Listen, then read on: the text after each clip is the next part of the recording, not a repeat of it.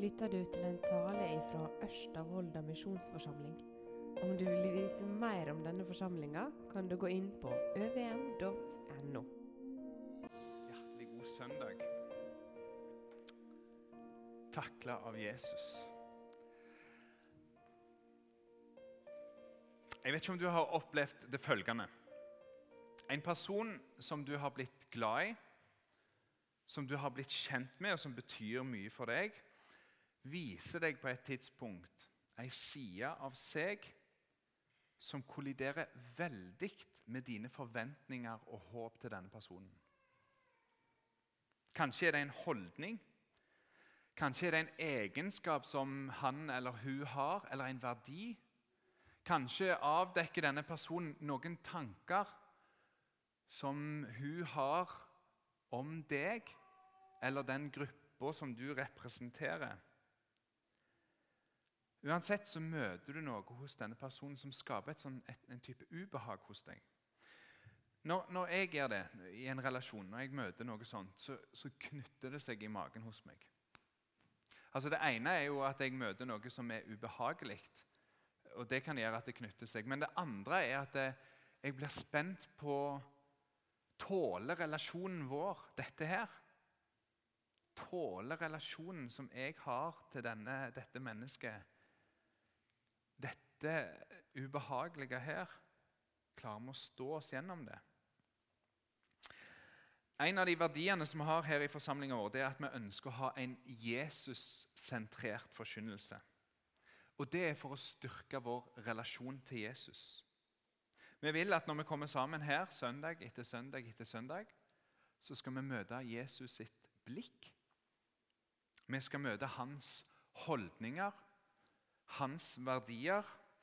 Vi skal få møte de handlingene som han har gjort for oss, og hans tanker for oss. Vi har lyst til å bli minnet om hvem vår frelser og Herre er, for at han skal prege hverdagen vår med fred i hjertet, med kall og oppgaver inn i livet og med håp for framtida. Den teksten som er søndagens tekst i dag, det er et sånn et møte for meg med Jesus hvor det knytter seg litt i magen. Altså Hvis jeg virkelig tar inn over meg det som Jesus her sier, og hvis vi tar det inn over oss, så kan det føre til at vi blir brudd irritert. Vi kan kanskje bli sinte. Kanskje blir vi bitre. Når Jesus vandra her på jord, så kalte han de som trodde på han for venner. Han sa, 'Dere er vennene mine, og jeg skjuler ikke noe for vennene mine.'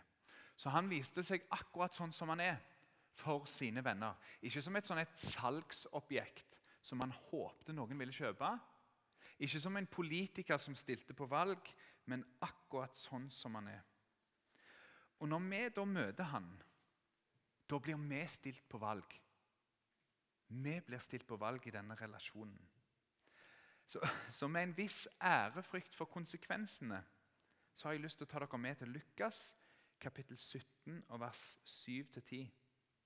Der får vi et møte med Jesus som kolliderer veldig med vår tids pedagogikk og lederskapstenkning. Og Så håper jeg allikevel at vi skal få se, etter det sjokket som møter oss, at Jesus er bedre enn det vår tid har å tilby. Og at det er bare fordi han er nettopp sånn som han er, at han er verdt å tilbe og følge etter. Nå skal vi lese teksten, og så skal vi be sammen etterpå.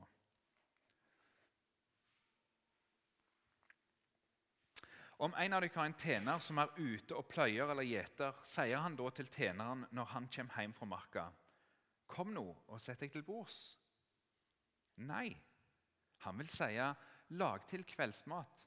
'Bind opp kjortelen og stå til tjeneste for meg medan jeg et og drikk.'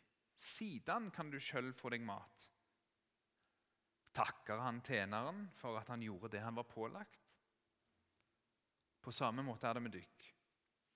Når det har gjort alt det det var pålagt å gjøre, skal det sie Vi er unyttige tjenere og har bare gjort det vi var skyldige å gjøre. Takk, Jesus, for at vi kan få ha en ekte relasjon til deg. Jeg ber om at du må hjelpe oss å søke deg og søke å forstå når vi møter ting som eh, uroer oss. Hellige Far, bruk din sannhet til å helliggjøre oss. Ditt ord, det er sannhet. Amen. I fortsettelsen så skal vi gjøre tre ting. Vi skal stoppe opp med teksten, og så skal vi spørre oss hva, Var det det han sa? Det jeg trodde jeg leste? Og Etterpå så skal vi se på taklingen. Vi skal se på hvordan Hvorfor er det dette er så provoserende for meg og deg og vår tid? Og til slutt så skal vi se på takken. Jeg håper at vi skal se at den taklingen som Jesus kommer med, den er egentlig noe som ender med takk. Teksten, takken og taklinga. Og vi begynner med teksten. Det som Jesus sier her, det kommer inn i en rekke av undervisninger og lignelser som Jesus har til sine disipler. Denne eksempelfortellingen som Jesus bruker for å få fram et poeng om hvordan vår disippelholdning skal være, det er en fortelling om en slave. I vår oversettelse så står det 'tjener'. og Det er egentlig en litt forsiktig oversettelse. Men grunnen til at de velger å oversette det med 'tjenere' likevel, det kan godt være at med de referansene som vi har, så ser vi fort for oss en slave på noen bomullsmarker i USA. Et menneske som er røvd fra ett kontinent og inn i et annet, som har null frihet. Og den assosiasjonen er ikke helt rett. Det er ikke det det er snakk om her. Men det er allikevel noen likheter mellom en slave på den tida og en slave. Det er at denne som var slave, den var pliktige til å gjøre det som Herren budde han. Og enten for en kortere eller for en lengre tid så har eieren, eller Herren, et eierforhold til denne slaven. Når Jesus forteller denne fortellingen til oss, så bruker han to retoriske spørsmål om hva denne slaven her skal gjøre, eller hva han fortjener. Og Det er kanskje der noe av utfordringen vår ligger. Der vi tenker at den snille tingen å gjøre, det er den rette tingen. Så mener Jesus og alle de som er rundt altså Det er, sånn, det retoriske spørsmål som svaret er åpenbart på. Alle er enige om at slaven har bare gjort sin plikt, og han skal fullføre den plikta som han er satt til. Og Det at han har gjennomført den plikta, det er ikke noe som han skal ha takk for. Og Så snur Jesus seg til disiplene og så sier han på samme måte er det med dere. Når dere har gjort alt det dere var pålagt, skal det sie vi er unyttige tjenere og har bare gjort det vi var skyldige å gjøre. Det ordet 'unyttig' der det kan oversettes med 'uverdig'. Det er en annen oversettelse av det òg. Men det hjelper ikke helt for vår del. Gjør det det? Det gjør ikke saken noe bedre. Det rydder ikke opp i det som vi opplever som en takling. For Hvis jeg skal være helt ærlig, så oppleves dette her litt som en takling fra Jesus. En god relasjon som plutselig får seg en trøkk, og så ligger jeg der igjen og litt forvirra og spør, spør meg hva var det som skjedde nå? Hva var det Jesus sa her? Er han ikke glad i meg? Er det det jeg er for han? En slave bare som skal gjøre det som han sier? En som bare har med å innordne seg? Betyr det ingenting for Jesus, det som jeg gjør for han? Hva er dette for noe? Jesus han kommer inn i full fart og så takler han oss. Og Han har en hensikt med det, og han er målretta i det han gjør. Og Hva er det han sikter på da? Hva er det han vil si?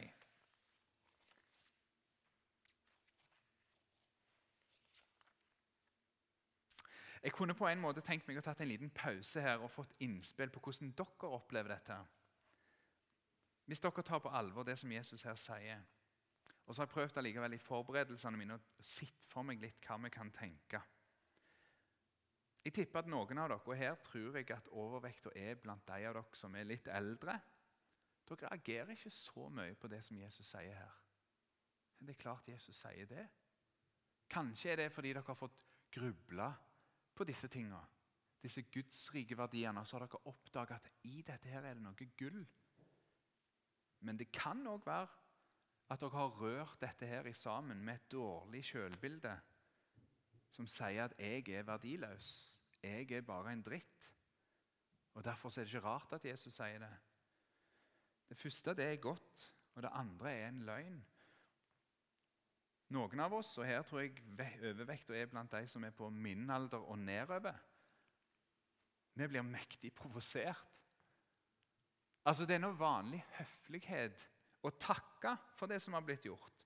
Og Denne herren han virker som en hard, kald og kynisk herre som jeg ikke har lyst til å gå i tjeneste for. Jeg kan få det bedre. Jeg kan ordne det bedre. Jeg, jeg kan finne meg en bedre herre. Jeg er ettertrakta. Han som for meg, han burde være takknemlig. Jeg er verdifull. Det siste der, det er en sannhet. Men det tidligere er en løgn. Jeg tror dette faktisk er en takling av Jesus. En takling som smeller hardt for ulike deler av oss.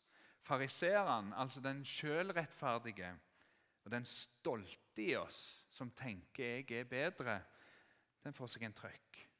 Men òg streberen. Den delen av oss som alltid har lyst til å overprestere, som gjør alt vi kan for å få anerkjennelse og bekreftelse, generasjon prestasjon, om du vil, får seg òg en trøkk. Og så er jeg redd for hvis du ikke lytter godt nok og ikke ser blikket til han som faktisk sier dette, så kan du, du som har et dårlig selvbilde, som noen andre har påført deg Du som kanskje har opplevd at de som skulle elske deg og være gode mot deg, bare brydde seg om seg sjøl. Du med et dårlig sjølbilde, ikke bare fordi du har sett i synd og, og skjønner at du ikke er god nok, men som tror at du ikke har en verdi. Det kan skje at du òg tror at det er det Jesus snakker om her. Og Hvis det skjer, da er vi nødt til å sortere litt. Hva er det Jesus prøver å si, og hva er det han ikke sier her?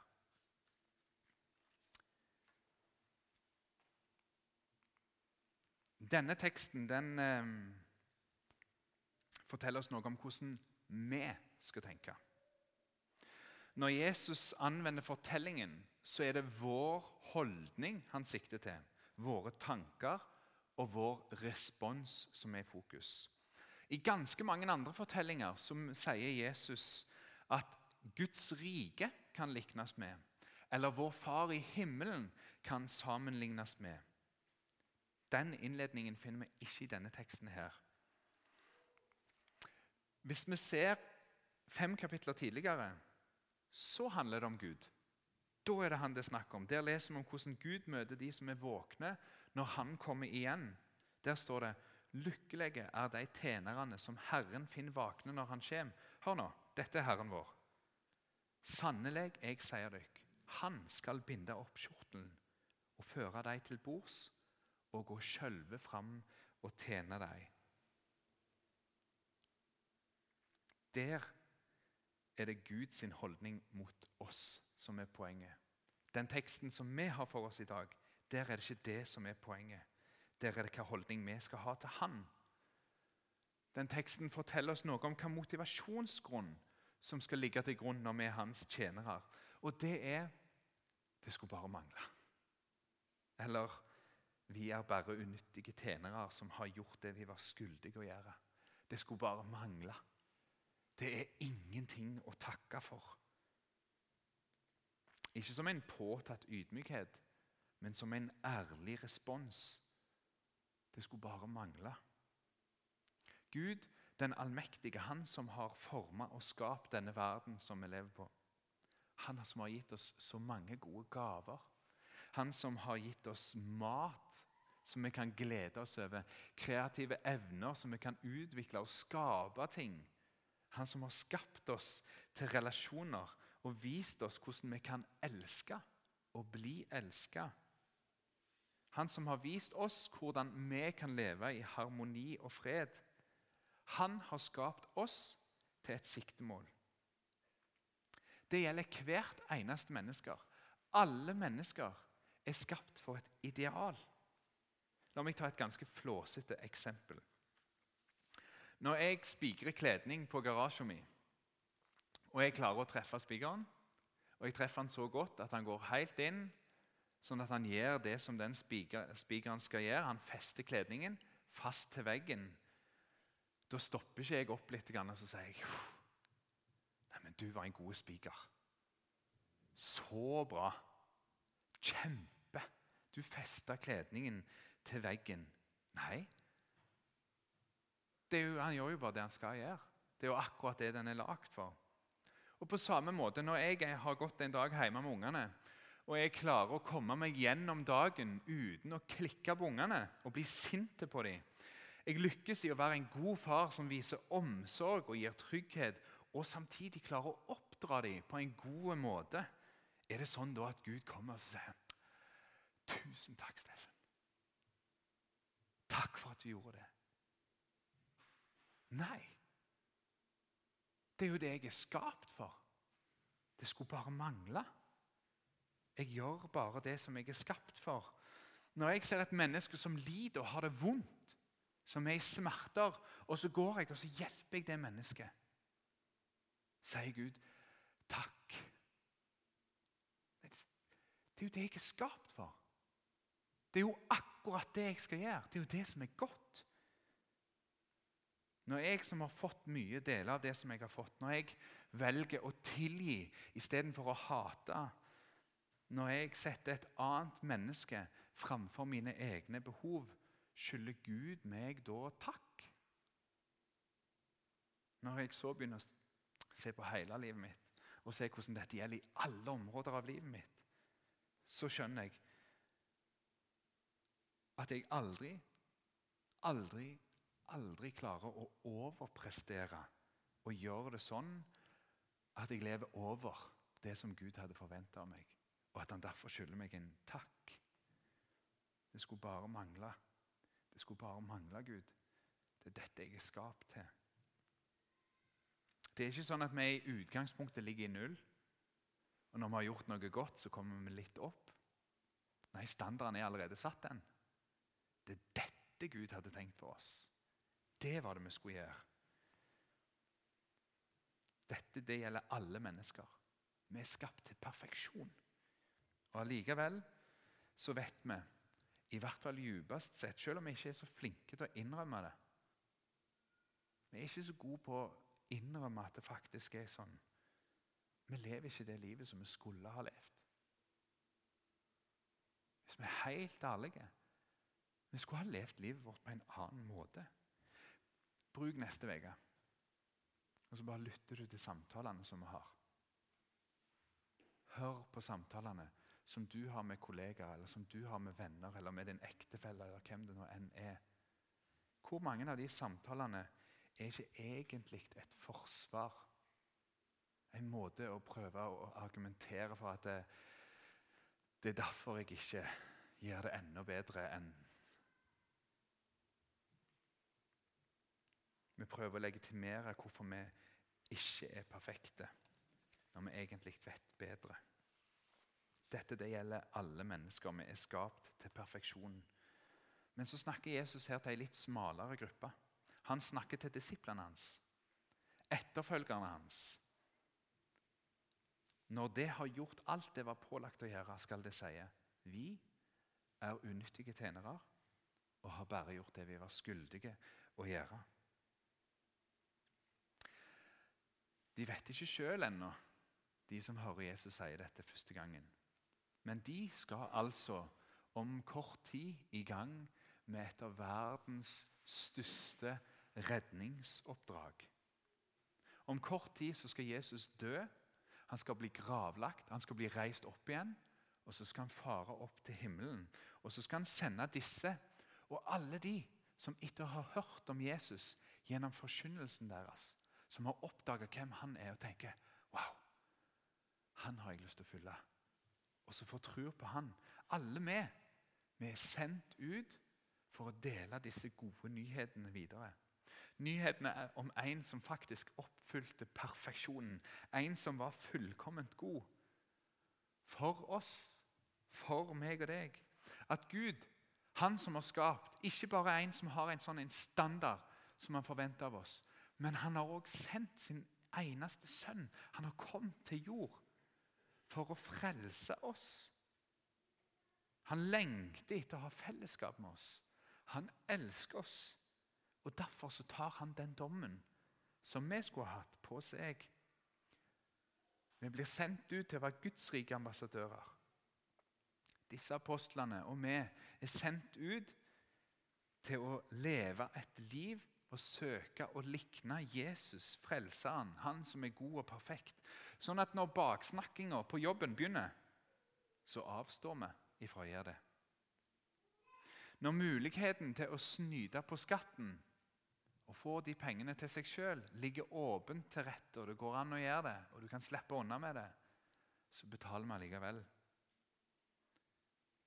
Når den enkleste utveien er å bryte Guds bud Hvis jeg bare lyver nå, så slipper jeg unna. Hvis jeg stjeler, hvis jeg gjør noe, hvis jeg vrir litt på det, så velger vi heller å følge Guds bud, og så lider vi heller vondt. Når begjæret etter vår nestes eiendom, ektefelle eller rykte presser på, så fornekter vi det. Når ønsket i oss er å gjøre noen vondt og å kreve vår rett, så lider vi heller vondt fordi det er Jesus som har lært oss det. Kommer Gud så og takker oss? Nei, men han gleder seg over det gode som blir gjort, og ondskapen som blir holdt i sjakk. Det at Gud ikke kommer og takker oss, det at vi aldri kan overprestere, det er egentlig noe som skulle trigge en takk til Gud hos oss. Det er frihet i dette. Å oppdage at han egentlig ikke er ute etter å ta deg, men ballen. Den ballen Jesus tar ifra oss, det er vår egen stolthet. Han viser oss at standarden, han viser oss standarden så tydelig at vi ser at vi egentlig kan bruke ord som unyttig og uverdig om oss. Hvis vi er helt ærlige, så vil vi se at livet vårt er langt ifra den perfeksjonen som han har krevd. Og det er bl.a. pga. sånne som meg og sånne som deg at denne verden ikke er så perfekt som den kunne være. Vi blir ydmyka, og så blir vi satt, satt Vi blir nødt til å sette oss helt nederst. Og så ender vi opp med å si at det skulle bare mangle. Og så takler han de av oss som stadig har lyst til å overprestere. Kanskje for å være litt bedre enn de andre, for å kunne rose oss og Så viser han at i dette riket her så er det faktisk ikke mulig å overprestere. Beklager. Det går ikke an. Men hva med deg da, som har et dårlig sjølbilde, som, som ikke bare tenker at eh, du er en som bare gjør det du er skyldig å gjøre, men du tenker jeg er egentlig ingenting å redde. jeg. Du kan stå og så kan du se at stolthet og prestasjonsjag blir feid av banen. Men Jesus gjør det fordi han vil ha deg tett hos seg. For det er derfor Jesus sier dette til oss. Han ydmyker oss, og så blir vi ganske små. Men det skaper allikevel en takk. Det skaper en takk til Gud for at han hadde ikke tenkt noe middelmådig for oss. Gud ville ikke at du skulle ha det dårlig. En takk til Gud som ikke ville at barn skulle komme hjem fra skolen redde fordi det er noen på den skolen der som gjør noe vondt imot dem. En takk til Gud som ikke ville at heimer skulle rakne. En takk til Gud som har skapt den som har gjort noe vondt mot deg. Guds tanke for den var noe helt annet enn det som han gjorde mot deg. Og Så velger det fram en takk til Gud for at Gud er så god at han kommer for å frelse nettopp oss. Vi får lov til å være tjenere hos han. Og i denne tjenesten så får vi tjene vår neste. Det er en parentes som vi må ta med her. Denne Herren som vi tjener, han er opptatt av at vi skal tjene vår neste. Det handler ikke om han. Jesus kommer ned til oss som ikke nådde opp til standarden, og så gir han oss sin rettferdighet, sånn at vi blir berga. Vi takker han som vi skylder alt. Fordi han tok vår skyld. Vi takker han som har lært oss det gode, han som har vist oss veien. Og Jeg er ganske trygg på at disse som hørte dette første gangen, de også opplevde det som en takling. De hadde begynt å følge en som samla store folkemengder. Så sier Jesus dette. De får se noe som er ubehagelig hos Jesus, for han retter et ubehagelig lys mot dem. Men tenk over hvordan dette møtet med Jesus beskytta de noen år seinere. I Apostlenes gjerninger så leser vi at denne gjengen de forstår stå i oppgaver, og så opplever de at 3000 mennesker blir lagt til menigheten på én dag. Wow. En kjempevekst. Hvis 3000 mennesker hadde kommet til tro gjennom arbeidet som vi driver her i ØVM ja, Jeg hadde fryda og gleda meg, og det hadde vært stort. Men jeg må innrømme at jeg er redd for at jeg hadde gått på en snurr. Og det tror jeg mange av oss hadde gjort. Og Det ser vi, og det har vi sett mange eksempler på. Og Det er en av grunnene til at jeg tenker at vi trenger dette møtet her. Jeg har sett kristne ledere som jeg har sett opp til, som har gått på en snurr, som har gått i denne fella, at de ser mer på sine egne resultater, og så mister de Jesus av syne. Vi ser mer på vår egen prestasjon framfor det kallet som Jesus har kalt oss til. Da trenger vi denne besinnelsen. Vi trenger den når vi opplever at eh, Gud bruker vår forsamling til noe sånn. Du trenger den når du opplever at du fikk lov til å stå i tjeneste for det gode. Du fikk gjøre noe godt. For det handler ikke om deg, men det handler om det som han har kalt oss til. Vi er unyttige tjenere som bare har gjort det som vi er skyldige til å gjøre. Og så får vi takke Han som har gitt oss alt, både når vi lykkes i tjenesten, og når vi ikke ser noe annet enn avhengigheten til Han som har gitt oss alt. Jesus han ydmyker oss fordi han vil ha oss hos seg og beskytte oss helt hjem. Vi vil ha en Jesus-sentrert forkynnelse fordi vi tror han vet det beste for oss. Og da har vi lyst til å møte hele Han med alt Han har å gi oss. Vi ber.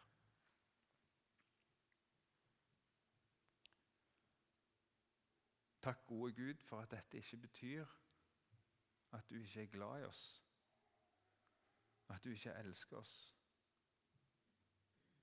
Men takk for at dette viser at du hadde noen helt andre tanker for oss og alle mennesker enn de smertene og det vonde og det ubehagelige som vi opplever i denne verden. Herre, sett oss i stand til å tjene deg. Og takk for at du ber oss når vi ikke klarer å bære oss sjøl. Velsign oss. Hjelp oss du og ydmyk oss, sånn at vi kan holde oss tett inntil deg, Jesus. I ditt navn ber vi. Amen.